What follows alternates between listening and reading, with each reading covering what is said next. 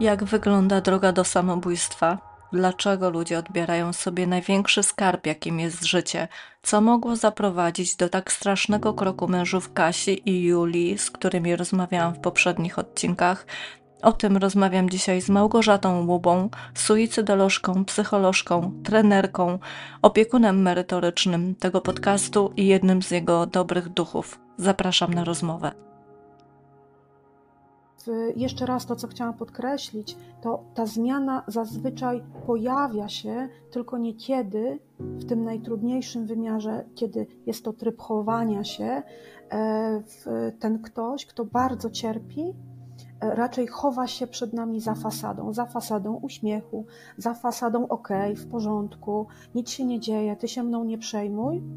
I trzym, przytrzymuje ten, to ukrycie za tą fasadą za długo, i w którymś momencie jest już za późno. A my jednocześnie mamy poczucie, że nie dało się zauważyć, bo faktycznie tak było, nie dało się zauważyć w porę. Podcast powstaje pod patronatem projektu Życie warte jest rozmowy oraz we współpracy z ekspertem Biura do Spraw Zapobiegania Zachowaniom Samobójczym Instytutu Psychiatrii i Neurologii w Warszawie. Witam Was po tej stronie. Tak się składa, że od początku, jak przedstawiam moich gości, to mówię, że jest to gość wyjątkowy, ale tak po prostu jest. E, dzisiaj e, porozmawiam e, z psycholożką i suicydolożką Małgorzatą Łubą. Małgosia jest ekspertem przydzielonym mi przez Instytut Psychiatrii i Neurologii w Warszawie i konsultuję z nią rozmowy dotyczące śmierci samobójczej, ale tak naprawdę już wcześniej była na mojej liście wymarzonych rozmów rozmówców, ale o tym dlaczego to opowiem pewnie przy innej okazji, e, a teraz już e, chciałam Cię przywitać bardzo serdecznie Małgosiu, bardzo się cieszę, że mogę Cię gościć po tej stronie. Ja też e, Anito bardzo dziękuję za zaproszenie. Chciałabym zacząć od tematu, o którym już nieraz rozmawiałyśmy, czyli o Kasi i Julii, o wdowach, z którymi rozmawiałam w pierwszych dwóch odcinkach. Byłaś osobą, która wysłuchała tych rozmów jako pierwsza.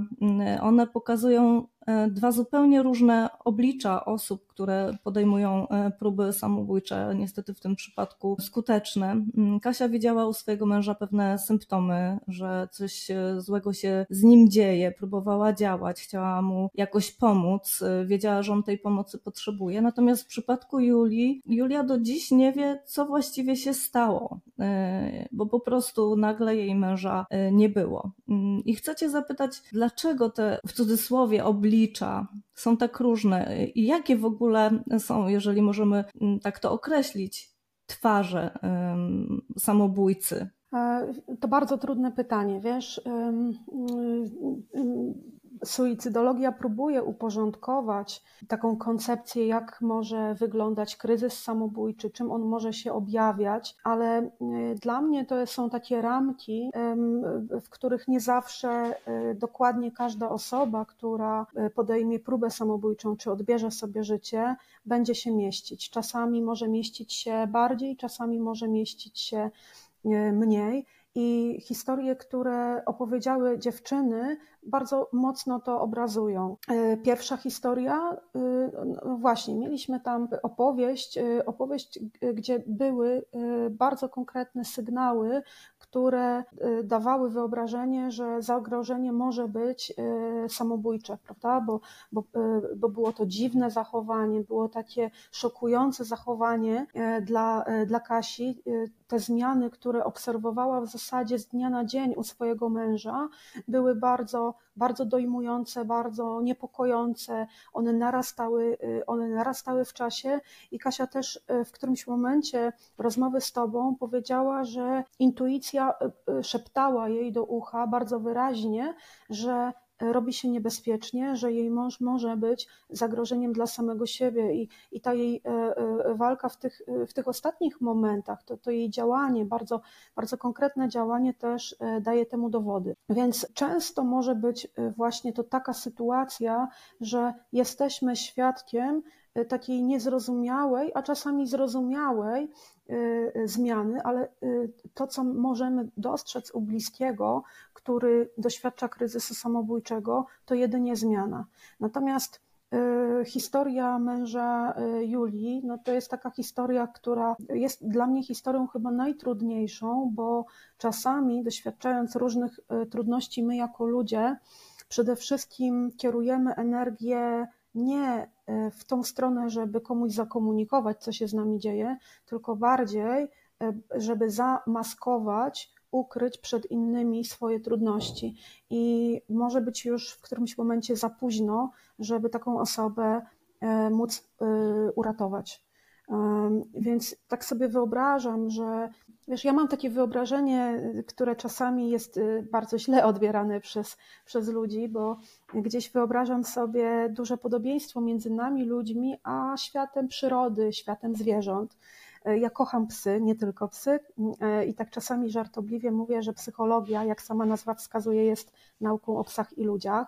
I my ludzie, tak jak psy, kiedy mocno cierpimy, zaczynamy podobnie się zachowywać. Nasze zachowania zmienia się podobnie tak jak u psa. I teraz proszę mnie źle nie zrozumieć, ja nie mówię, że człowiek to pies, tylko gdzieś chcę pokazać to podobieństwo. Jakby co to znaczy ta, ta, ta moja opowieść o psach i ludziach? Kiedy pies cierpi, mm, czasami podkula ogon i skomli. I my czasami też wchodzimy w taki psi tryb.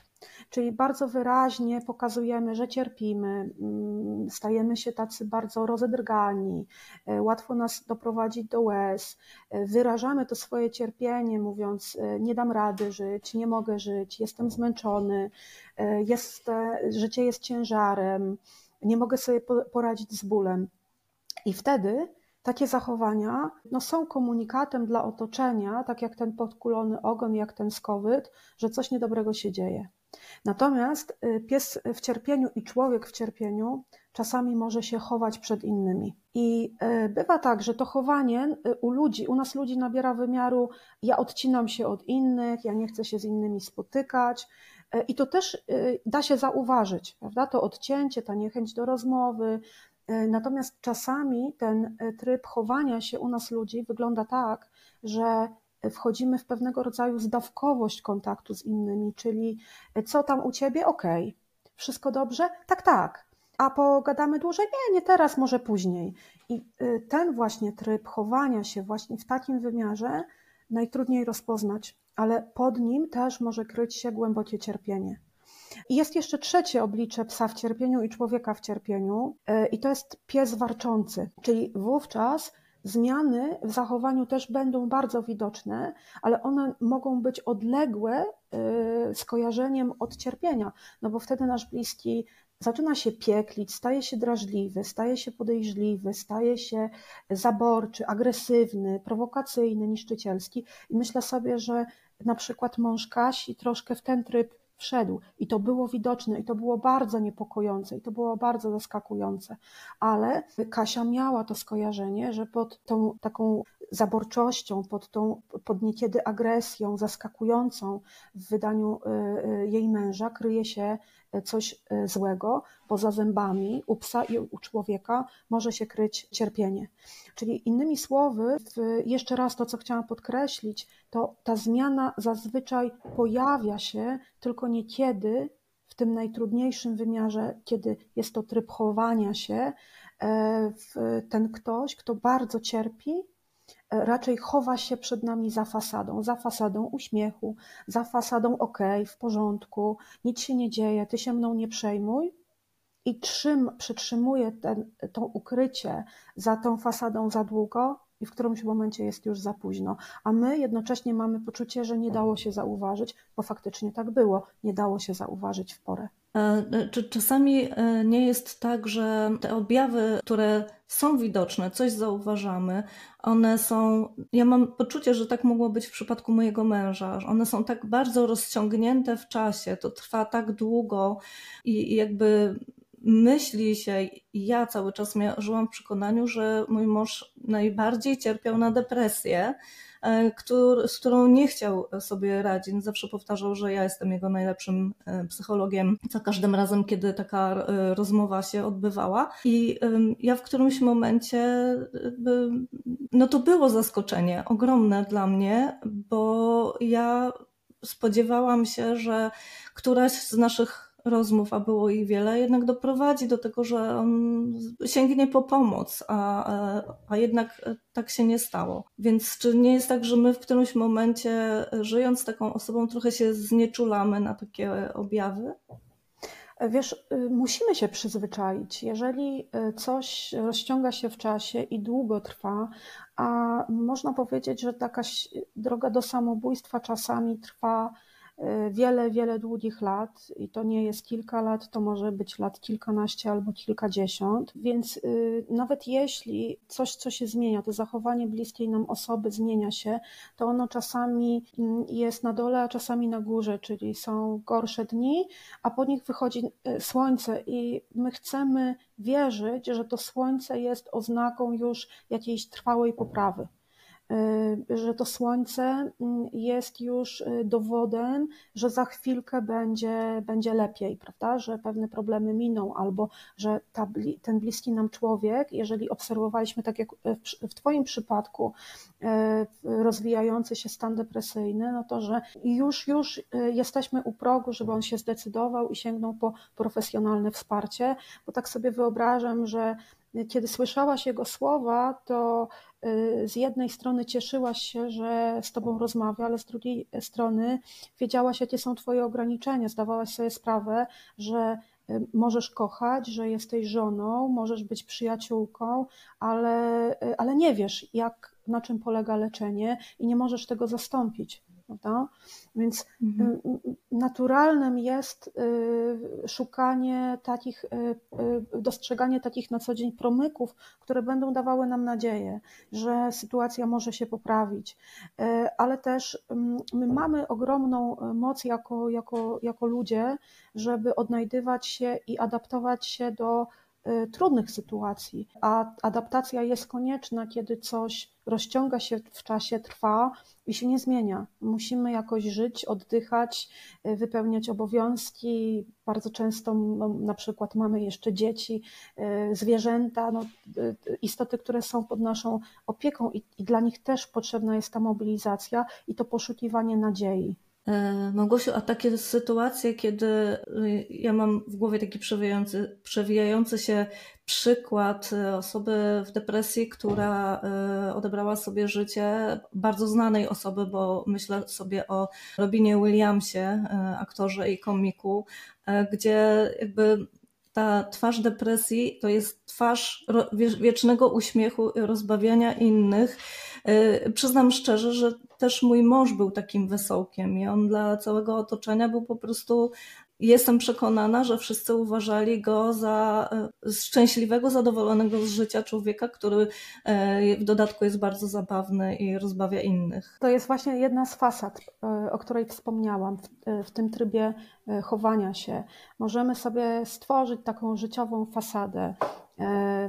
Jeśli na przykład naszym sposobem mierzenia się z trudnościami jest humor, poczucie humoru, które daje nam dystans, y, bo, bo to, co y, obśmiejemy, staje się mniej groźne, staje się, no, wytrącamy moc temu, temu y, groźnemu, obśmiewając to i, i łapiąc taką perspektywę troszkę prze, przekoślawioną, trochę zniekształconą, tym uśmiechem, ale to jednocześnie może być właśnie ta fasada. Dla innych, tak jak powiedziałeś, jestem duszą towarzystwa, jestem, jestem e, e, osobą, która rozkręci każdą imprezę, która zawsze ma w kieszeniach anegdoty i jest w stanie rozbawić największego ponuraka, ale jednocześnie za tą fasadą coś się może kryć i nie zawsze jest to e, takie samo uśmiechnięte oblicze. Mhm. Moja przyjaciółka, która doskonale zna moją historię i też jest e, słuchaczką podcastu, e, jak przy jakiejś okazji z nią rozmawiałam na ten temat, na temat śmierci samobójczej, powiedziała mi, że wydaje jej się, że taka osoba, która planuje targnąć się na swoje życie, że ona nagle dostaje jakiegoś amoku, bo inaczej przecież nikt by sobie ani bliskim nie wyrządził takiej krzywdy. I to nie jest jedyna osoba, która wiem, że w taki sposób to postrzega. Wiem, że jest w tym takim obrazie bardzo dużo niezrozumienia, bo tak jak sama przed chwilą powiedziałaś, to może czasami trwać latami. Planowanie nawet, mówiąc naprawdę wprost, planowanie samobójstwa może trwać latami, prawda? Tak, wiesz, ja bardzo lubię taką y, mm, jedną z koncepcji, która jest obecna w suicydologii. Mm, ta koncepcja nazywa się Trzy kroki do samobójstwa. Została opracowana przez Klońskiego i May y, no, kilka dobrych lat temu, ale jest to jedna z takich e, nowszych koncepcji. I ona e, wyrysowuje takie trzy kroki, które mogą człowieka zbliżyć się, e, zbliżyć do samobójstwa. Pierwszy krok jest odpowiedzią na pytanie, skąd w naszej głowie mogą wziąć się myśli samobójcze. I według e, autorów tej koncepcji one są efektem doświadczonego, doświadczonego cierpienia.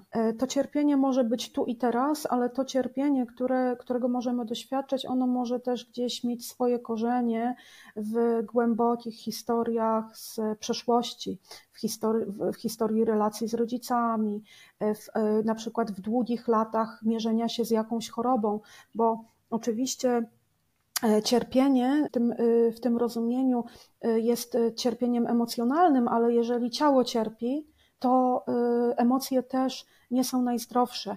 Jest to powiedzenie e, i jakaś mądrość w tym powiedzeniu, w zdrowym ciele e, zdrowy duch. Nie ma zdrowego ciała, trudno mówić o tym, że duch ma się świetnie w takiej, w, w takim bolesnym, w tej bolesnej skorupie ciała. Więc jakby pierwszy krok i wyjaśnienie, skąd w nas myśli samobójcze, to ich źródło, ich źródłem jest jakieś życiowe cierpienie połączone z wizją przyszłości, E, gdzie nie ma nadziei na poprawę sytuacji. No? Czyli na przykład choruję na chorobę nieuleczalną albo doświadczam problemu zdrowotnego, który ma charakter nawracający.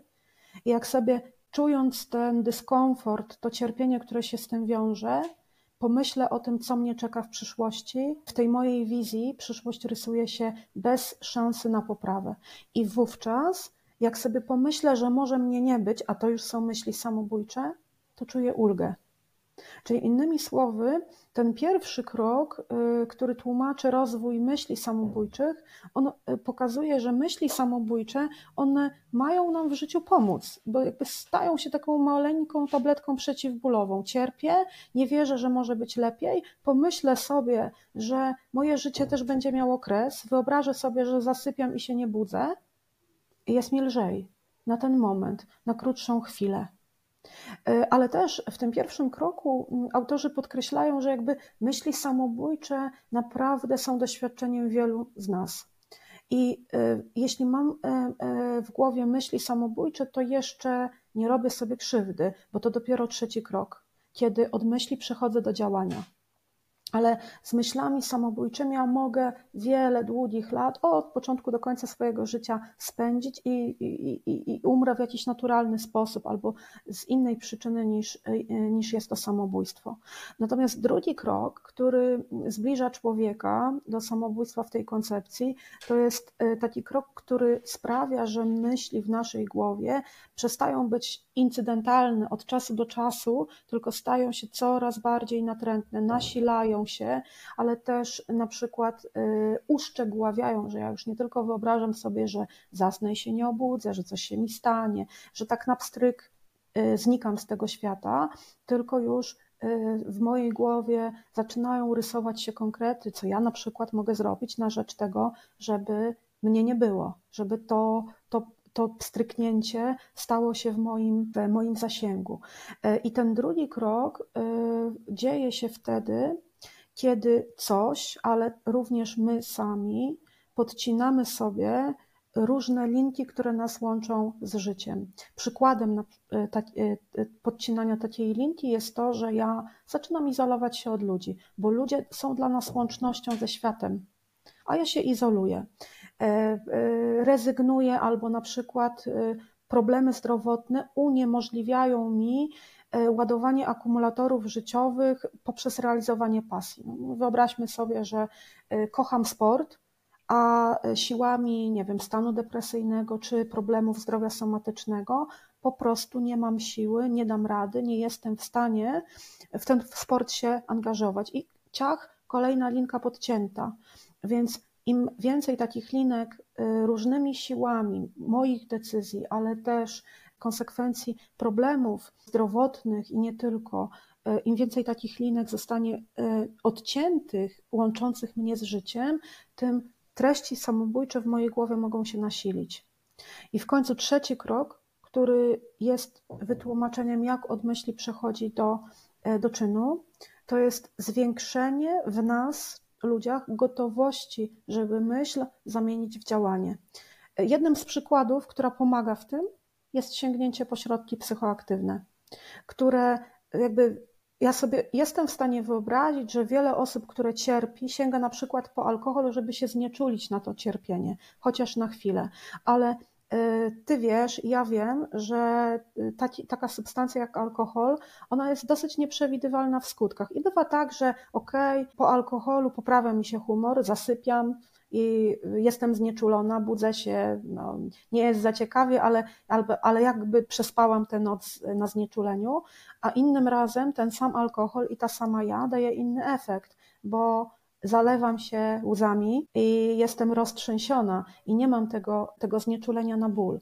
Więc alkohol pod tym względem jest nieprzewidywalny, czy mi poprawi nastrój, czy, mi, czy mnie pogrąży y, i, i mnie y, doprowadzi do rozklejenia, ale alkohol zawsze i podobne i inne środki psychoaktywne mają zawsze jeden element wpływu na człowieka. Zwiększają tendencję do impulsywnych zachowań, czyli podcinają hamulce. Prawda? Mówi się o tym, że e, pod wpływem alkoholu my czasami mówimy rzeczy, których na trzeźwo w życiu byśmy nie zrobili i nie powiedzieli. Prawda? Czyli to jest to podcinanie hamulców. Zatem jeśli wcześniej w mojej głowie była myśl, żeby nie żyć, a, y, albo jeszcze bardziej konkretna myśl, co, może, co mogę zrobić, żeby odebrać sobie życie, to alkohol jest tym elementem trzeciego kroku, który sprawi, że ja od myśli przejdę do działania. Czasami ta gotowość, która w nas się zwiększa w trzecim kroku, ona może być siłami takiego oswajania się z wcześniejszym atakowaniem siebie. I na przykład trzeci krok może dziać się siłami tego, że ja już wcześniej w różnych trudnościach atakowałam swoje ciało, na przykład sięgałam po samouszkodzenia. Zatem już wcześniej gdzieś tam przekroczyłam granicę takiej, takiego dbania o siebie i y, przekroczyłam taką granicę i weszłam w taką przestrzeń, że już byłam gotowa y, podnieść na siebie rękę. No, póki co wcześniej było to e, na przykład ta gotowość, żeby nie wiem, zranić swoją rękę, nogę, inną część ciała, ale to po pewnym czasie mnie oswaja z tym, że mogę również podnieść na siebie rękę, podejmując czy to jest, próbę samobójczą. Przepraszam, czy to jest takie trochę testowanie i na ile mogę się posunąć? Przesuwanie granic, przesuwanie mhm. granic bardziej, da? ale też to, co może zwiększyć naszą życiową gotowość do przejścia od myśli samobójczych do działań samobójczych, to jest również oswojenie z taką powiedziałabym, drastyczną stroną życia. E, I tutaj podam e, przykłady, co oswaja nas, oczywiście w niedobry sposób, z drastyczną stroną życia. Jeżeli wykonuję zawody pomocowe i jestem ratownikiem medycznym, to ja mam e, podczas akcji swoich dyżurów czasami takie makabryczne strony życia, że gdzieś moja głowa, to też jest przesunięcie granicy, że jakby ja oczywiście pełniąc jakąś rolę zawodową, widzę to, to mnie, y, to mnie szokuje, to mnie przeraża, ale w którymś momencie po pięciu latach, po piętnastu latach w zawodzie, ja się oswajam z tym, z tą makabrą. I też w którymś momencie może to zadziałać jako element zwiększający moją gotowość, żeby y, tą moc sprawczą obrócić przeciwko sobie, podejmując próbę samobójczą czy samobójstwo. Ale też, kiedy y, mam doświadczenia lat y, bycia na przykład ofiarą przemocy, to też się z tym oswajam. Z tym, że ktoś mnie atakuje i w, w naszej głowie pojawia się w tym trzecim kroku klik można mnie atakować, mogę siebie zaatakować i to też przybliża mnie do przekroczenia granicy między myślą a działaniem. Jak wspomniałaś o tym e, ratowniku medycznym, to chyba się nie mylę. Mam takie, gdzieś mi się kołacza w pamięci, że w statystykach osób, zawodów podejmujących próby samobójcze są chirurdzy i są e, stomatolodzy. To chyba nawet w książce Halszki Witkowskiej wyczytałam e, Życie mimo wszystko. Taką ale też informację. policjanci, ale też e, strażacy. Czyli takie, no, strażak w, takim, w takich oczach społeczeństwa to jest bohater, to jest ktoś, kto skoczy w ogień, żeby małe dziecko na rękach wynieść, kotka uratować z drzewa. Natomiast no, codzienna praca e, strażaków też wiąże się z tym przekraczaniem tej granicy, e, z takim oswajaniem się z bardzo dramatyczną, makabryczną, traumatyczną stroną życia, e, tutaj, które toczy się właśnie po tej stronie. I to niestety wielu osobom w służbie może zrobić coś bardzo niedobrego. Ja w swojej pracy mam takie w pamięci fantastyczne spotkania właśnie z policjantami, ze strażakami, ze strażnikami granicznymi. Spotykaliśmy się na takich kilkudniowych e, warsztatach radzenia sobie ze stresem, ale też pamiętam, jak oni mówili o e, swoich doświadczeniach, o tym, co im zapada w pamięć, o tym, e, o tym jak na różne sposoby próbują zapomnieć, wymazać z pamięci bardzo okrutne sceny, z którymi y, spotykają się, sytuacje, z którymi mierzą się, będąc w służbie. Ja miałam kiedyś, mm, trochę już o tym powiedziałaś, ale chciałabym jeszcze może troszeczkę bardziej pogłębić ten wątek przyczynowy. Kiedyś rozmawiałam, miałam wspaniałą okazję rozmawiać, robić wywiad z Janem e, Nowickim, mm, kiedy, kiedy, który niedawno e, odszedł. I on mi powiedział w tym wywiadzie taki cytat, który się ciągnie e, za mną. Ja już wtedy byłam wdową. To się odnosiło do monodramu, który on grał, zatytułowanego Co może jeden człowiek. I ja zadałam mu takie pytanie, co może jeden człowiek, i on odpowiedział mi: Człowiek powinien przede wszystkim pięknie przeżyć to, co jest jedynym jego skarbem, czyli życie. I powiem Ci, że siedzi mi to w głowie y, już y, tyle lat od tamtego wywiadu, w kontekście takim, co musi się stać w życiu człowieka, żeby i chciałabym prosić, jeżeli to możliwe, żebyś, mi, żebyś podała jakieś konkretne przykłady historii, z którymi się zetknęłaś, żeby y, ktoś y, podjął y, próbę samobójczą? Oj, wiesz, z przykładami jest tak, że musimy mieć w sobie pokorę, że no, każdy z nas idzie jakąś ścieżką życiową E, I ta ścieżka e, czasami będzie miała naprawdę bardzo indywidualne e, widoki i nikt tej ścieżki nie powtórzy, a innym razem, jak sobie porównujemy swoje życie, historię swoich bliskich i słyszymy o historiach innych ludzi, to możemy znaleźć mianownik wspólny, chociaż to i tak nie była ta sama, ta sama ścieżka.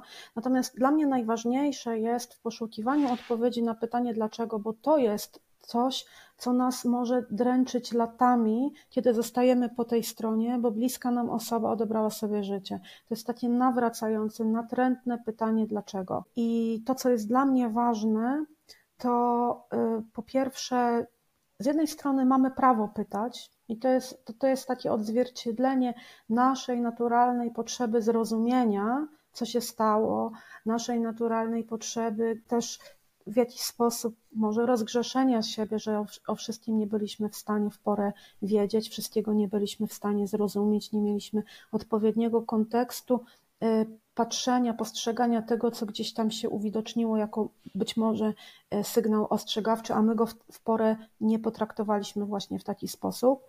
Natomiast to, co też jest dla mnie bardzo ważne, to to, żeby podkreślić, że takim dla mnie bardzo ważnym wyznacznikiem przejścia tego procesu żałoby, żeby w nas się poukładało, że no tak się stało i inaczej nie będzie, to jest znalezienie dla siebie takiej wystarczającej, chociaż na pewno niepe, niepełnej niedogłębnej odpowiedzi na pytanie dlaczego. Takiej wystarczającej, którą ja przyjmę za możliwą do zaakceptowania, chociaż niepełną. Bo jak czasami y, rozmawiam z osobami, których bliscy odeszli, ale też jak sobie y, wspominam rozmowy z osobami, które doświadczają, doświadczyły kryzysu samobójczego, to te elementy, które człowieka prowadzą w stronę śmierci, to czasami, e, tak jak powiedziałam, coś, co się wydarzyło dawno temu, jest jakąś cały czas niezagojoną raną albo niezaspokojoną potrzebą, na przykład e, jeszcze wyniesioną z domu rodzinnego, chociaż to nie jest reguła. Więc nie chcę, żeby tutaj ktokolwiek, kto będzie słuchał naszej rozmowy, y, słyszał w moich słowach, że winni są rodzice. Nie, jestem daleka od obwiniania kogokolwiek za cokolwiek, bo uważam, że każdy z nas no, stara się wypełnić te swoje życiowe role najlepiej, jak potrafi. Natomiast y, czasami właśnie teraz myślę sobie o bardzo konkretnym człowieku, który wychowywał się w takim domu, gdzie rodzice nie potrafili ze sobą żyć.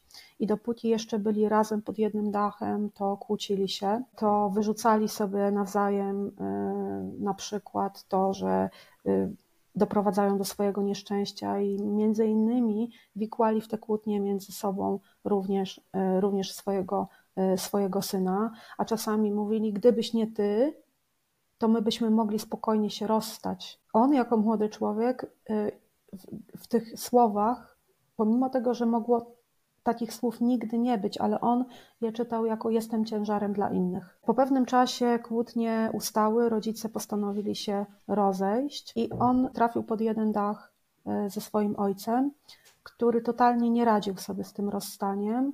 I e, ojciec już wcześniej popijał, ale po rozstaniu zaczął bardzo mocno pić, a jego syn zaczął być opiekunem dla swojego ojca, więc mając naście lat, y, na te fundamenty takiego młodego człowieka nagle postawiono strasznie duży ciężar. Ogarnąć siebie w tym, że moi rodzice się rozstali i jeszcze w ogóle dbać o to, żeby, żeby ojciec jako tako funkcjonował, pomimo tego, że bardzo mocno pił. Czyli jakby, zobacz, to jest kolejny element, który w jakiś sposób e, wygenerował w, w, tym, w tym, tej osobie, o której opowiadam, bardzo duży ból. Ból e, kłótni rodziców, ból takiego poczucia, że jestem dla nich ciężarem, bo może łatwiejsze dla nich by było rozstanie, porozumienie, ich życie, gdyby mnie nie było.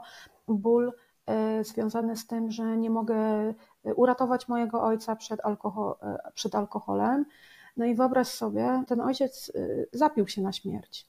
Więc y, ból znajdowania y, człowieka, z którym mieszkam, który jest moim ojcem, i ta totalna beznadzieja, totalna niemoc, że nie mogłem go uratować i nie uratowałem. E, I gdzieś to sobie poszło razem z tym człowiekiem w młodym w życie, w życie dorosłe. To, to, ten ból bycia ciężarem dla innych, ten ból związany z kłótniami, i ten ból, że, że ojciec no nie był ojcem, ojca nie byłem w stanie, e, w stanie uratować. Co się potem zdarzyło? Potem e, e, zdarzyło się fantastyczna relacja z kobietą, ale kiedy pojawiło się dziecko, które wymagało dodatkowych, dodatkowej troski ze względu na swoje problemy zdrowotne, między nimi pojawiły się kłótnie i gdzieś jemu zaczęło się to mocno kojarzyć z, tym, z tymi kłótniami. E, z tym, e, że, że właśnie, że, że można być dla innych e, ciężarem. Potem znowu, sięgając po wzorce, jego sposobem stało się radzenia z tym konfliktem w domu, z potrzebami dziecka, których nie rozumiem, z funkcjonowaniem dziecka, którego nie rozumiem, sięganie po alkohol. I gdzieś to zaczęło iść w stronę i stanów depresyjnych, i takich stanów no, uzależnieniowych. Więc zauważ, jakby doszło do próby samobójczej, jakby to był ten kontekst, kiedy się spotkaliśmy, na szczęście próby samobójczej, a nie samobójstwa. I jakby to też był ważny punkt zwrotny, gdzie on zaczął wkładać energię w to, żeby troszkę siebie odbudować, żeby, żeby zmienić, wprowadzić dużą zmianę w swoje życie, ale zauważ, gdyby e, osoby z bliskiego otoczenia zadały sobie pytanie, czemu on podjął próbę samobójczą, to nie miałyby dostępu do tej historii jego dzieciństwa, bo on o tym nie opowiadał. On sam nawet miał poczucie, że to już jest jakiś zamknięty etap w jego życiu. Nie miał dostępu do tego, a co się stało z ojcem, no bo często my ludziom z otoczenia nie mówimy o tym, no słuchaj, mam taką historię, czarną kartę w swoim życiu, że wracam do domu po szkole, patrzę, ojciec leży, myślę, że, że się napił, a po pewnym czasie okazuje się, że nie oddycha i w ogóle makabra, prawda? Tylko raczej... Czasem, czasem chcemy po prostu o to wymazać nawet, tak, z, tak. Z, jakby nawet ze swojego życia trochę, z życiorysu, tak. prawda? Tak a jeśli nawet ludzie wiedzą, y, że, że nasz ojciec nie żyje, no to, to jakoś nie ma rozmowy o tym, jak do tej śmierci doszło, czego byłem świadkiem. E, I, I, jeszcze raz wracam do tego wątku, jakie, jaką odpowiedź na pytanie, czemu to się stało, znajdą osoby z najbliższego otoczenia. No, znajdą, no bo się stoczył z, tym alkoholem, albo no bo taki takim ciężarem jest, y, jest dziecko o specjalnych y, troskach, albo, albo y, koledzy może powiedzą, a żona mu żyć nie dawała, no to ona go, że tak powiem, popchnęła do tego. Zobacz, jakby to jest ta nasza natura ludzka. My szukamy w bardzo skomplikowanym zjawisku, jakim są zachowania samobójcze, prostych odpowiedzi. Przyczyna, skutek. Da? Nie daj Boże, przed tą próbą samobójczą, którą on podjął, była kłótnia, no to już to od razu się rysuje jako przyczyna, bo gdyby ta baba mu nie nałożyła, nie suszyła głowy, to on by tego nie zrobił. A to nie jest Ale więcej nawet, ale, ale nawet y, powiedziałabym więcej, nawet ta baba, tak, czyli ta y, wdowa cierpiąca po stracie, ona sama y, sobie też robi takie wyrzuty w takich sytuacjach. Tak. Może gdybym powstrzymała, tak, nie powiedziała tego słowa za dużo, y, to też jakby jest podobna sytuacja. Z jednej strony otoczenie szuka w niej tej przyczyny. Ją może wskazywać jako strony... przyczynę, tak. Tak. A ona sama też, i to jakby ważną rzecz zauważyłaś, ona sama też posiłkując się tym samym, tym samym pragnieniem odpowiedzi na pytanie dlaczego, ale tym samym pragnieniem widzenia związku przyczynowo-skutkowego, e, swoje dwa słowa za dużo będzie widziała jako przyczynę. Nie, to nie jest przyczyna. Ileś wydarzeń wcześniej na przestrzeni lat życia, akurat w tym przytoczonym przeze mnie przypadku, ja, nie, ja celowo nie, nie doszczegóławiam, bo tam były, były mnóstwo, było mnóstwo innych wątków, które, które działy się 5 lat wcześniej, 10 lat wcześniej. W ostatnim e, roku poprzedzającym próbę samobójczą mogło się do tego, e, miało znaczenie dla tego, dla tego e, czynu. Wiesz, to tak samo jak z innymi chorobami, prawda?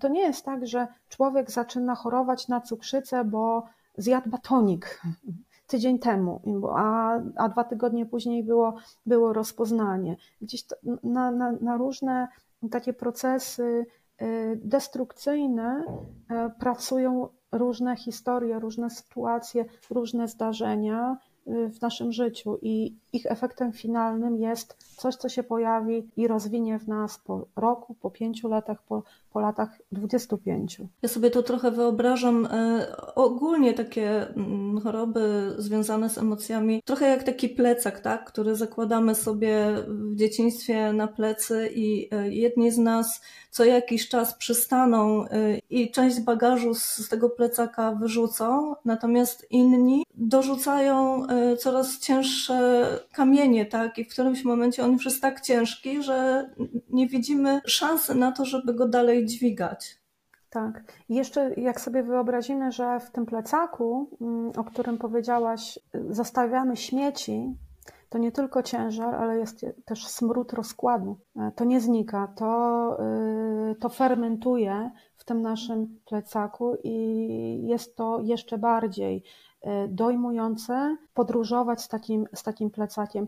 Wiesz, i, i tutaj mi się przypomina taka zasada, którą, e, na, na którą często powołują się psychotraumatolodzy. Mówią e, piękne słowa, że trauma karmi się milczeniem. Trochę jest tak, że w momencie, kiedy dzieje się coś bardzo złego, jedną z dobrych rzeczy, którą możemy mm, dla siebie zrobić, która jest jak to przystanięcie na chwilę i próba uporządkowania plecaka to jest odnalezienie w sobie gotowości, żeby z kimś remament tego plecaka y, y, być gotowym zrobić. I czasami jest to rozmowa z bliskimi, zaufanymi ludźmi, którym mogę się zwierzyć, którzy wiem, że mogą mnie posłuchać, a takich ludzi bardzo dużo jest w naszym e, otoczeniu. My czasami o nich zapominamy albo nie damy im znać, że, e, że potrzebujemy rozmowy i oni mogą e, za długo nie wiedzieć, że właśnie tego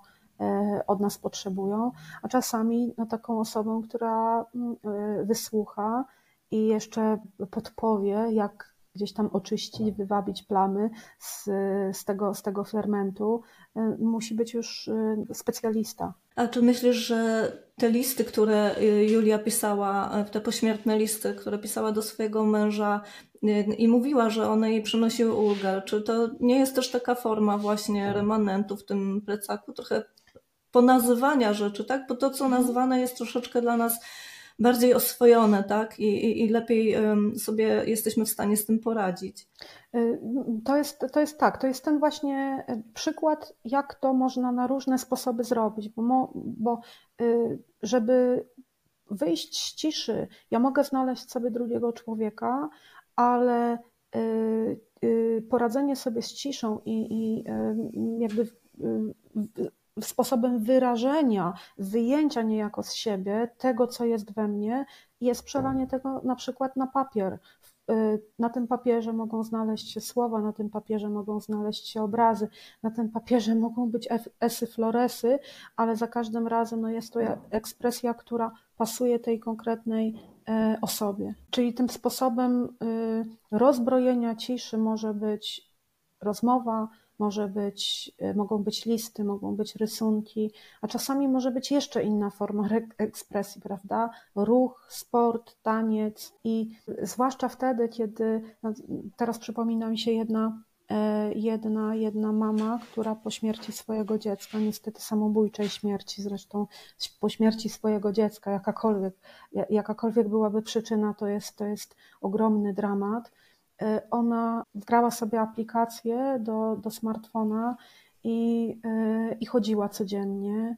I przez pierwsze e, naście miesięcy Y, potrafiła każdego dnia przejść od kilkunastu do dwudziestu kilku kilometrów. Ta aplikacja jej y, na przykład sygnalizowała, już ze swojego miejsca zamieszkania doszłaś do Paryża. I to też ją tak, tak powiedziała, że no jakby to był taki akcent humorystyczny w tym jej chodzeniu, ale y, to chodzenie było też zakłóceniem tej ciszy, bo ona kiedy chodziła, płakała, chodząc szukała takich ustronnych miejsc i e, nie pisała listów do swojego dziecka, ale rozmawiała z nim.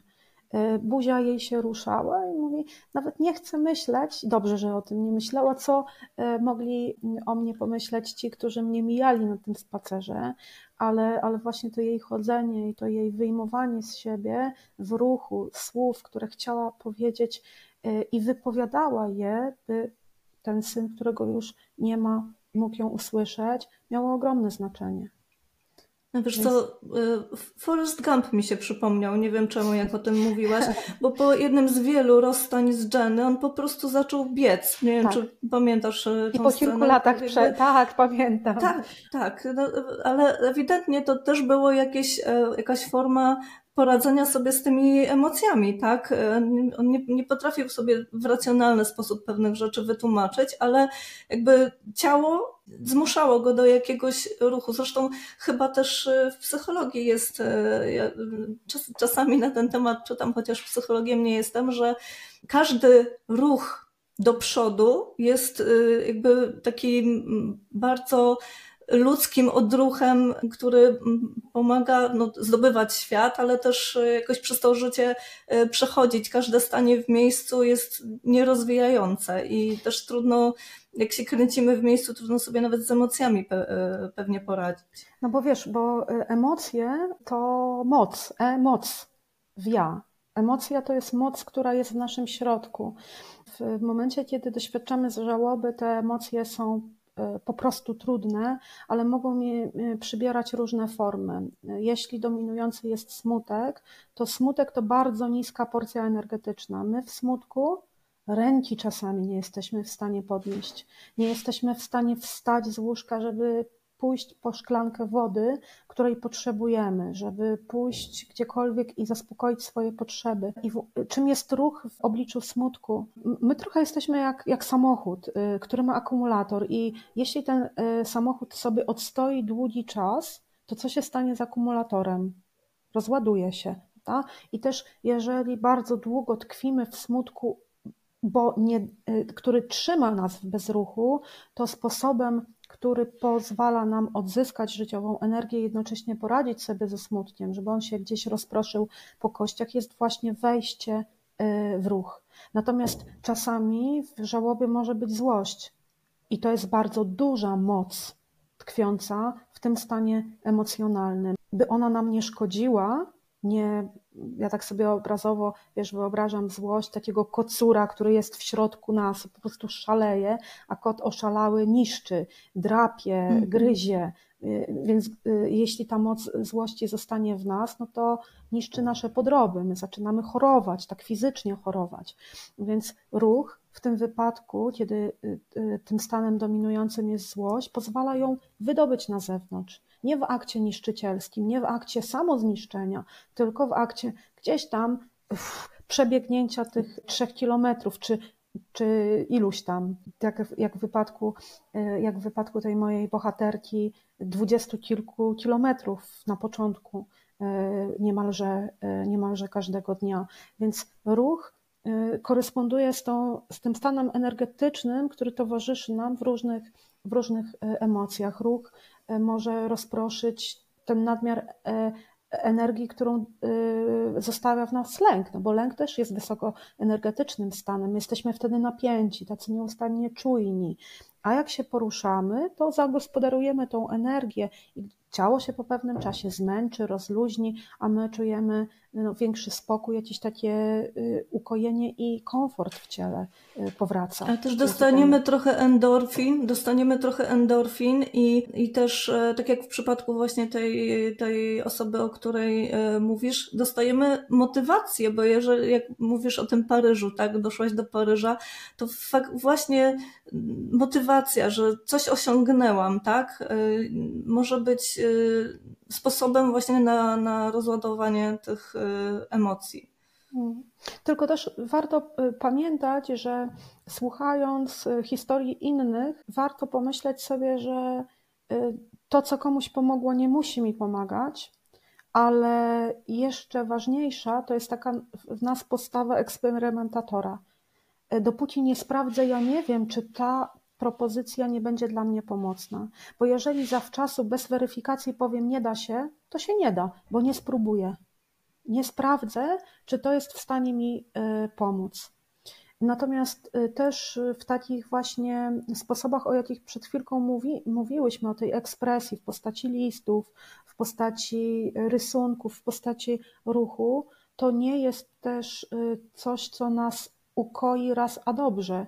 To jest raczej coś, co wymaga praktykowania w czasie i dopiero po czasie, na przykład po kilku miesiącach, jak się porównam siebie, swój stan, e, cofając się o 5-6 miesięcy, to dopiero mogę dostrzec różnicę. Ale tego jednego dnia, właśnie dzięki na przykład endorfinom, dzięki zmęczeniu, które pozwala mi chociaż e, troszkę nocy przespać, też już e, tu i teraz mam, mam ten plus, który sprawia, że ten dzień będzie odrobinkę lżejszy. E, Małgosiu, po, po, pierwszym albo drugim od, odcinku, po jego wysłuchaniu, e, odezwała się do mnie wdowa, której e, mąż odebrał sobie życie. Cieszę się, bo zgodziła się, bo jej historia jest nieprawdopodobna i zgodziła się też wystąpić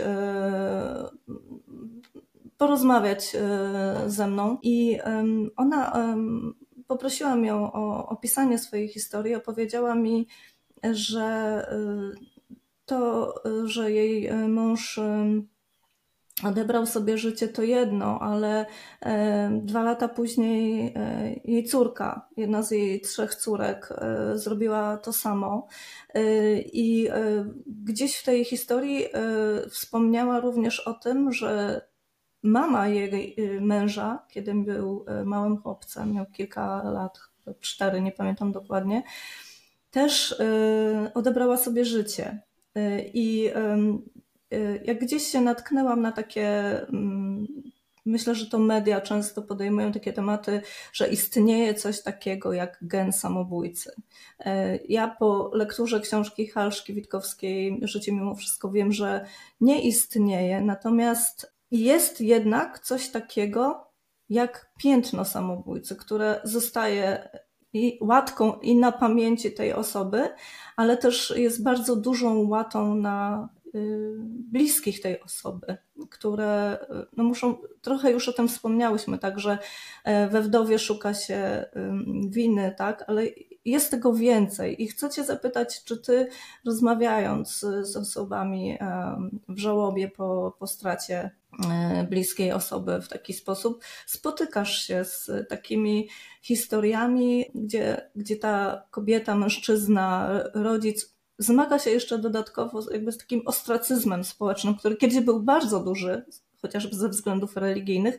Teraz się to zmienia, ale mimo wszystko, jak ja słyszę od chociażby wdów z mojej grupy, szczególnie tych mieszkających w małych miejscowościach, że to wciąż jest. To ta łatka, o której mówisz, wiąże się z tym, z tym wątkiem, który poruszałyśmy już, dzisiaj, już w dzisiejszej e, rozmowie jeśli nie rozumiem, co się stało, jeśli otoczenie nie rozumie, co się stało, to stara się jednak w jakiś sposób znaleźć odpowiedź na pytanie dlaczego.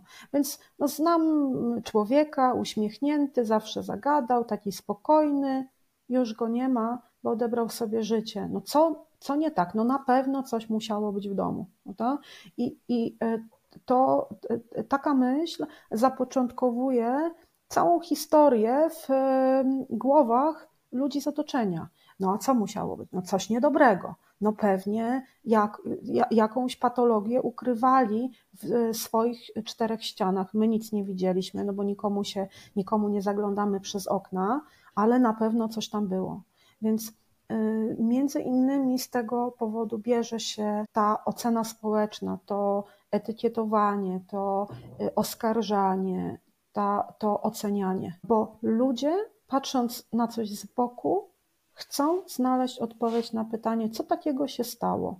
I jeżeli nie mają punktu zaczepienia w postaci, no, wielokrotnie widzieliśmy, jak się awanturował, y, albo wiedzieliśmy, wiedzieliśmy, że chorował, że miał stany depresyjne, że miała nieciekawe życie, będziemy sobie dopowiadać coś, czego być nie musiało, nie, totalnie nie myśląc o tym, co to robi najbliższym, którzy i tak mierzą się z ogromną tragedią, a dodatkowo za sprawą właśnie takich mądralińskich z boku, nas z boku, skłonnych do oskarżenia, y, będą jeszcze dodatkowo musieli y, nosić ten ciężar ostracyzmu społecznego.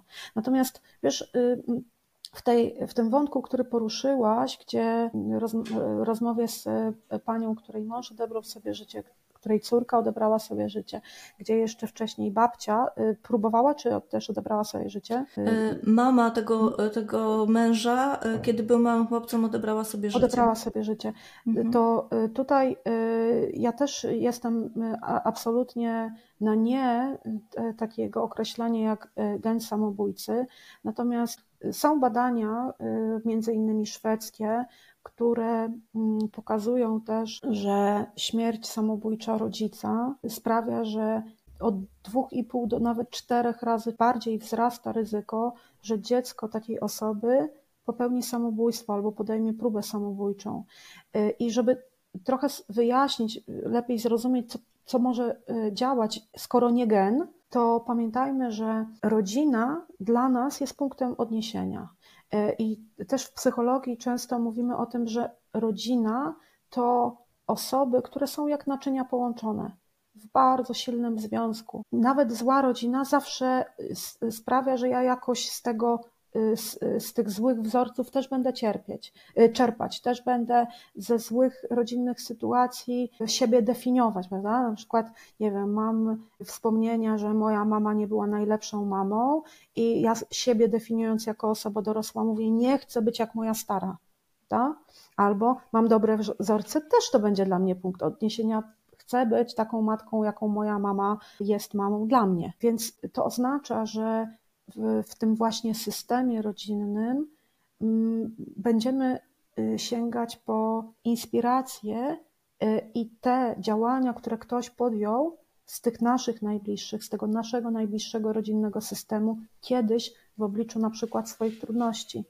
Zatem to poniekąd, chociaż nie w pełni, trochę może nam tłumaczyć, skąd to silne działanie i, i, i pojawianie się w kilku pokoleniach u bliskich tendencji, tendencji samobójczych. Natomiast bliskim doświadczeniem wielu osób, które mierzą się z żałobą i nie tylko samobójczą, ale samobójczą w szczególności, jest tak wielka tęsknota za tym człowiekiem, tak ogromny ciężar i ból emocjonalny, tak wielka tęsknota, że chce się dołączyć do, tej, do, tego, do tego człowieka, którego tak bardzo nam brakuje, albo tak wielki ból e, emocjonalny i brak wiary, że ten ból może mieć jakiś swój kres e, i stąd też e, e, może w nas rozwinąć się pragnienie śmierci, mogą w nas rozwinąć się myśli samobójcze. I znowu my też możemy kroczyć tymi trzema krokami w stronę prób samobójczych, w stronę samobójstwa.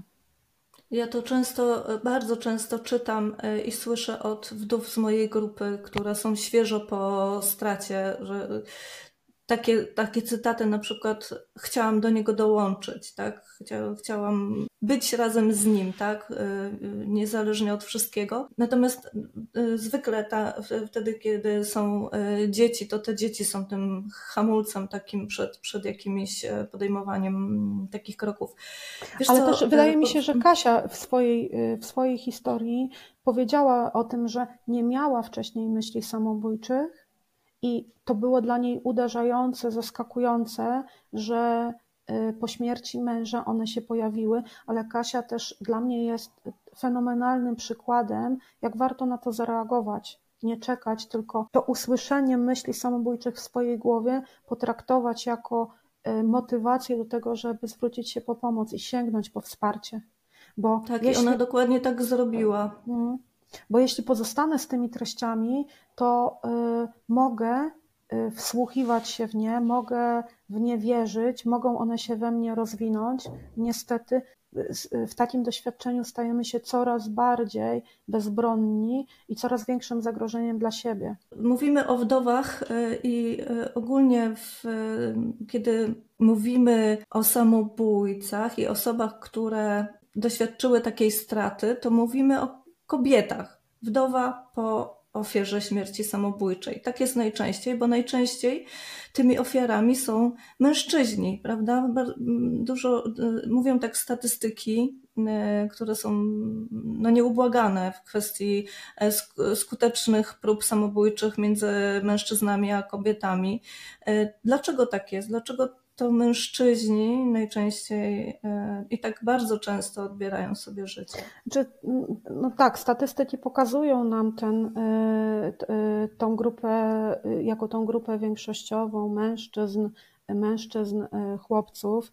Natomiast no, jak zdarza się śmierć, to statystyki to tylko jakaś próba ujęcia liczb, świata w liczby, statystyka pokazuje większościowo mężczyzn, ale to moja córka, to moja, to moja żona, to moja przyjaciółka, e, to też może być kobieta, więc tutaj e, statystyki to jedno, ale, ale też gdzieś nie chciałabym absolutnie e, sprowadzać tylko i wyłącznie świata do, do, do jakichś reguł większości, ale szukając odpowiedzi na pytanie, skąd taka dysproporcja w śmierci samobójczej grupy mężczyzn i e, w porównaniu do grupy kobiet, jest wiele odpowiedzi. I te, taka pierwsza odpowiedź, która przychodzi mi do głowy, to pewne wymagania społeczne e, i wizja tego, czego oczekujemy od chłopców i mężczyzn, i tego, na co przyzwalamy kobietom i dziewczynom. No facet nie płacze, facet powinien być silny, on powinien być ostoją. Gdzieś ten przekaz społeczny, on się trochę zmienia, ale w dalszym ciągu pokutuje. I to sprawia, sprawić może, że w męskiej głowie może się pojawić taka, ta, yy, taka reguła. Ja muszę sobie poradzić sam, za wszelką cenę. bo jeśli nie poradzę sobie, to nie mam jaj, to jestem miękka faja, przepraszam tutaj za te kolokwializmy, ale tak to wybrzmiewa okrutnie w głowach. To znaczy, że jestem słaby, to znaczy, że do niczego się nie nadaje, więc może nic tu po mnie. Tak? Więc jakby ten przekaz społeczny trochę mężczyznom zabiera prawo do tego, żeby płakać, żeby szukać wsparcia, bo w tym przekazie społecznym pojawia się ważna zasada, że jak sięgniesz po wsparcie, to jesteś słaby. A to nieprawda. No, chcemy, żeby jednak y, jak najwięcej z, y, z nas wierzyło, że jednym z, objaw, z objawów siły jest w tych momentach, kiedy sobie nie radzimy, gotowość, i tu trzeba mieć jaja, żeby mieć odwagę zapłakać wśród ludzi i powiedzieć: pomóżcie. Natomiast inne wytłumaczenie no, może też tkwić w tym, że mężczyźni troszkę są tak ukształtowani, że pewne rzeczy nie tyle mówią, co wyrażają czynem. Tak? Więc kobieta y, y, będzie lamentować, będzie skarżyć się, a facet na przykład wyrazi to czynem y, i sięgnie po czyn, żeby mieć ten sam efekt ulgi i, i na przykład jego sposobem będzie alkohol albo inny środek psychoaktywny. I, i to, o czym powiedziałam. E, czasami to da ulgę, innym razem spotęguje smutek, zawsze rozkamuje. Prawda? I e, efektem może być ta przedwczesna samobójcza, samobójcza śmierć. Natomiast znowu, jakbyśmy grzebali też w statystykach i w tych statystykach e, szukali odpowiedzi, skąd dysproporcja, no to też bierze się między innymi również z takiej gotowości do, bardziej, do wyboru bardziej śmiertelnych, drastycznych e, metod, które w zasadzie nie dają szansy na możliwość odratowania. Więc to też jest kolejna z możliwych odpowiedzi, ale pewnie jeszcze tych odpowiedzi można by było e, e, gdzie indziej poszukać i, i troszkę znaleźć. No tak jak wspomniałaś na początku, suicydologia to jest bardzo złożona dziedzina, y, gdzie wciąż jeszcze mnóstwo jest, więcej jest pytań y, niż y, odpowiedzi. Chciałam ale, ale też taka, taka mhm. dziedzina interdyscyplinarna, bo nie tylko, tak. Nie tylko w, na samobójstwo możemy patrzeć przez pryzmat prawd psychologicznych, wątków psychiatrycznych, ale również Socjologia coś może wnieść w rozumieniu zachowań samobójczych, wiedza o kulturze, aspekt prawny, e, wiedza antropologiczna, antropologia kultury, więc, więc to wszystko, te wszystkie dziedziny mogą mieć swój wkład pogłębienie naszej, e, naszej e, wiedzy i rozumienia zachowań samobójczych.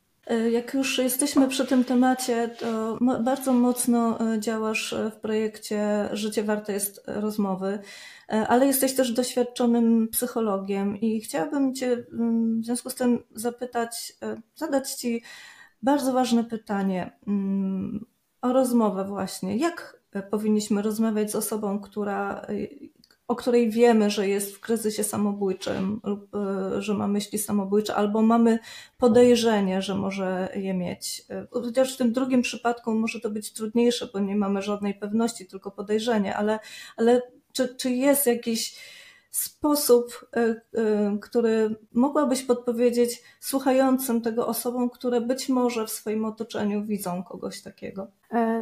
Dla mnie taka reakcja na trudności to pierwsza pomoc emocjonalna, e, której warto się uczyć, tak jak uczymy się pierwszej pomocy medycznej, przedmedycznej. I pierwszym krokiem jest zauważenie, zauważenie e, tej zmiany w zachowaniu. Dzisiaj zaczęłyśmy od tego naszą rozmowę, że nie zawsze coś widać, ale jeśli widzę coś, nie rozumiem tego, co widzę, niepokoi mi, nie podoba mi się e, e, to, co widzę, nie wiem, co się może pod tym kryć, to po prostu moja głowa ma to zauważyć i wtedy mogę zrobić drugi krok. Drugi krok to porozmawiaj, żeby dowiedzieć się, co się dzieje, żeby zrozumieć perspektywę doświadczeń tej osoby, żeby poznać jak najlepiej sytuację. I ten drugi krok, porozmawiaj, jest podobny do etapu w pierwszej pomocy medycznej, który sprowadza się do oglądania rany. I zobacz, porozmawiaj to nie znaczy powiedz, poradź, podyskutuj, czy y, twoje problemy naprawdę są takimi problemami, no weź, byś nie przesadzała już więcej, tylko raczej. A to jest bardzo częste. Tak, oglądanie rany. Nie nalepianie plastra, nie naprawianie sytuacji, tylko y, celem tego drugiego kroku porozmawiaj jest zebranie jak najwięcej informacji, co się kryje pod tymi słowami, które od ciebie usłyszałam, a usłyszałam od ciebie, nie chce mi się żyć. Więc ja y, często mm, posiłkując się tym przykładem mówię, jak ktoś ci powiedział, nie chce mi się żyć, to zacznij rozmowę. Powiedziałeś, że nie chce ci się żyć. Skoro tak mówisz, to coś może się dziać w twoim życiu, co zabiera ci chęć do życia. Pomóż mi zrozumieć, co to takiego. Bo tym sposobem oglądania rany emocjonalnej nie jest oko. My rany emocjonalnej okiem nie widzimy.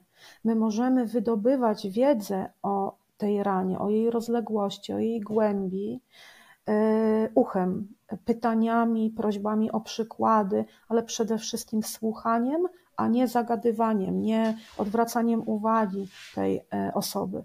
I dzięki temu drugiemu krokowi porozmawiaj, nabieramy większej e, wiedzy, co to za rana, i jako ratownicy nie będący y, w, tej, w tych relacjach z bliskimi osobami, nie będący specjalistami, często nie mający kompetencji psychologa, psychiatry, terapeuty, my mamy zebrać informacje, żeby odpowiedzieć w swojej głowie na pytanie: ta rana nadaje się na plaster, a może jest za głęboka i potrzebne jest specjalistyczne wsparcie. I za tym E, czyli dopiero po nabyciu tej głębszej wiedzy potrzebny jest trzeci krok działaj.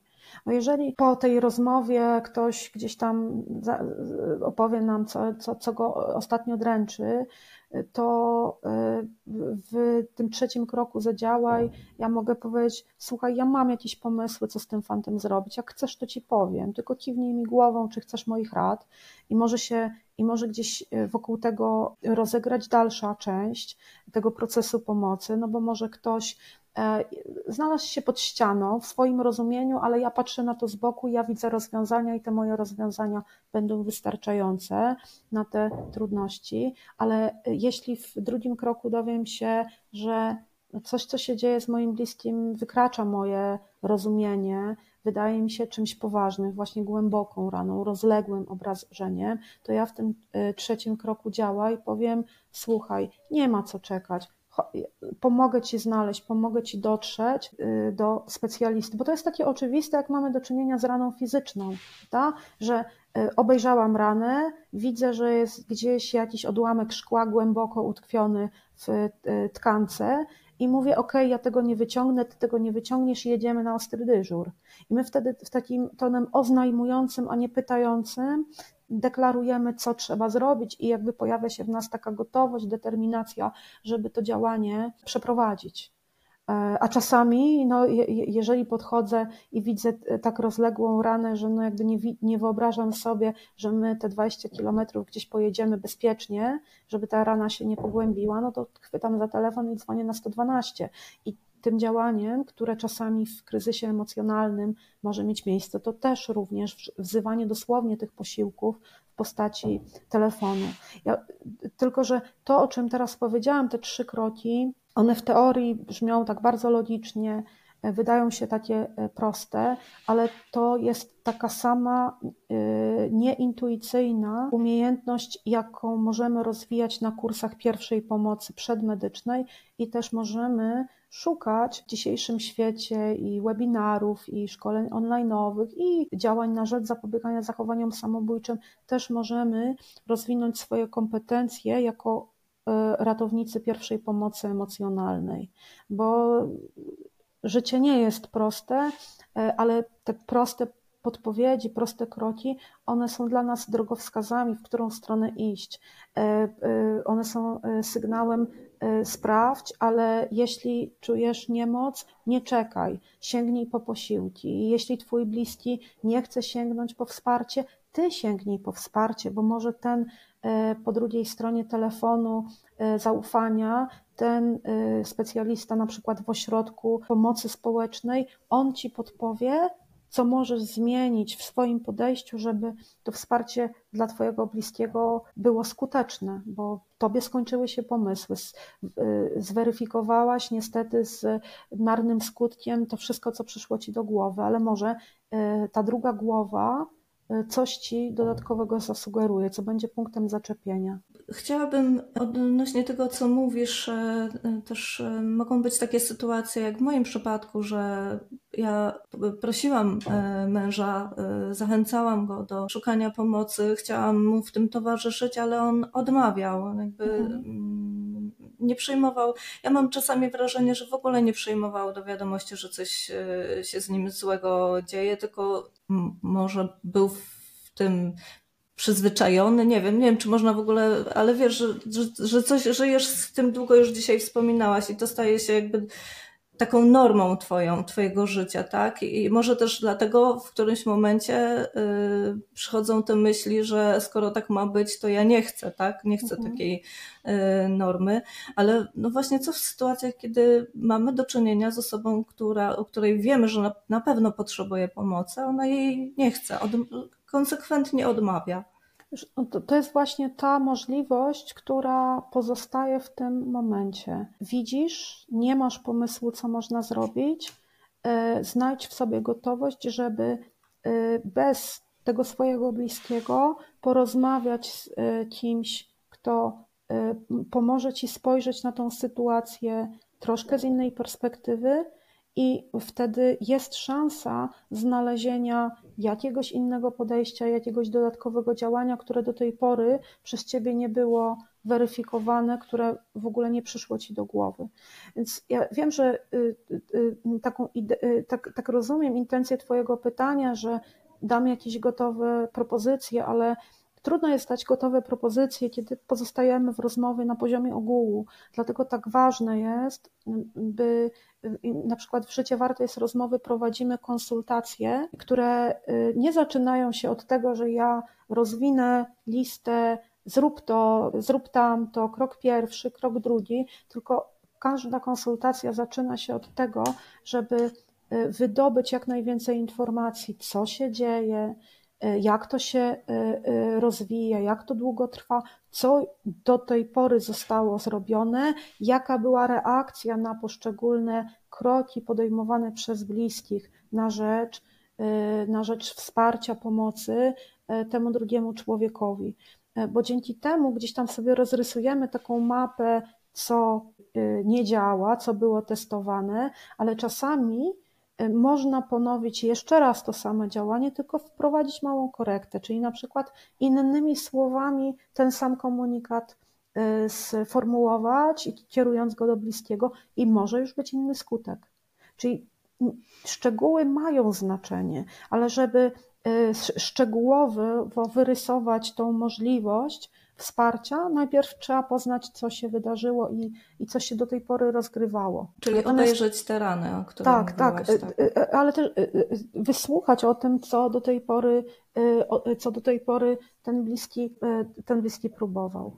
Mam tylko jeszcze takie, takie pytanie, które może być też jakąś wskazówką, dlatego że no my rozmawiamy o tym E, rozmawianiu, tak? Porozmawiajmy, obejrzyjmy ranę, wysłuchajmy e, i udzielmy e, pierwszej pomocy emocjonalnej, ale my jesteśmy świadomi, jesteśmy ty, ja, jesteśmy wykształcone, wyedukowane, refleksyjnie podchodzimy do życia i ja też otaczam się takimi osobami, ale też znam środowiska, które no, są bardzo słabo wykształcone na przykład i dla nich e, w tym środowisku pójście do, po pomoc do psychologa, do psychiatry, to jesteś psycholem po prostu, tak? I jakby e, tamta pomoc wydaje mi się bardzo trudna. Jak takim osobom pomagać, kiedy widzimy w środowisku patologicznym, gdzie na przykład żyją dzieci, że coś takiego się dzieje? E, znowu, no nie jest to prosta odpowiedź na, e, na pytanie, ale mam wrażenie, że dzieje się też wokół nas sporo, żeby i w takich sytuacjach, które wydają się patowo, jakaś zmiana miała szansę e, zaistnieć. to, że jesteśmy zanurzeni w komunikatach i w różnych kampaniach, i w różnych przekazach, wiesz, już od kilku dobrych lat pojawia się to hasło, każdy z nas jest ratownikiem. Ratownikiem też można być emocjonalnym, kryzys może być doświadczeniem, więc jasne, że jak sobie wyobrazimy osoby zamknięte na, na refleksję, e, uwięzione też w, jakimś, w jakichś wzorcach e, bardzo destrukcyjnego funkcjonowania i w rodzinie, i, i w bliższym, dalszym otoczeniu, no to wydaje nam się, że że nie da się. Natomiast no, każde dziecko, oprócz tego, że ma rodzinę, chodzi do szkoły i w tej szkole y, ma szansę spotkać osobę dorosłą, mądrą, refleksyjną, która zadziała, która wyciągnie rękę, która czasami podejmie bardzo niewygodne, trudne decyzje, by chronić tego młodego y, y, człowieka. Nigdy to nie będzie łatwe, bo każda zmiana, żeby poczuć się lepiej, żeby wyjść y, i poradzić sobie z czymś, co nas może oblepiać, jak, jak proces zachowań samobójczych, to jest bardzo duży wysiłek. Y, I ten wysiłek nie może się wydarzyć bez osoby, y, wokół której ta cała sprawa jest. Da? Bo można powiedzieć, że to jest wspinaczka. No więc nie da się kogoś wciągnąć na górę. Ta osoba musi włożyć jakiś wysiłek w to, żeby, y, żeby się po, po, po tym górskim, wysokogórskim szlaku przemieścić. Natomiast Duża zmiana zaczyna się od maleńkiej zmiany, od chociażby właśnie tego, że ktoś się zainteresuje, że ktoś się zacznie przyglądać, że ktoś e, wykorzysta możliwości, które daje nam prawo. Nie idealne, ale, ale jednak e, czasami podpowiadające albo wręcz nakazujące taką, a nie inną reakcję.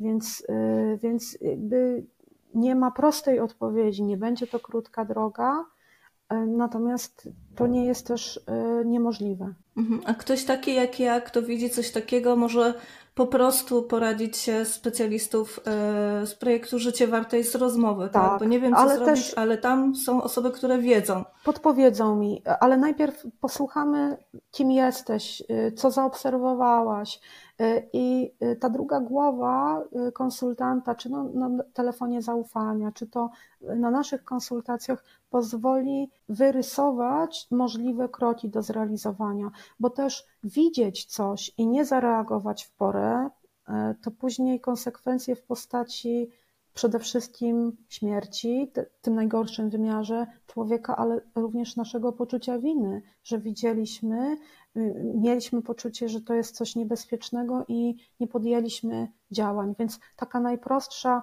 reakcja, nie wiem co zrobić, to nie znaczy, że nie da się nic zrobić.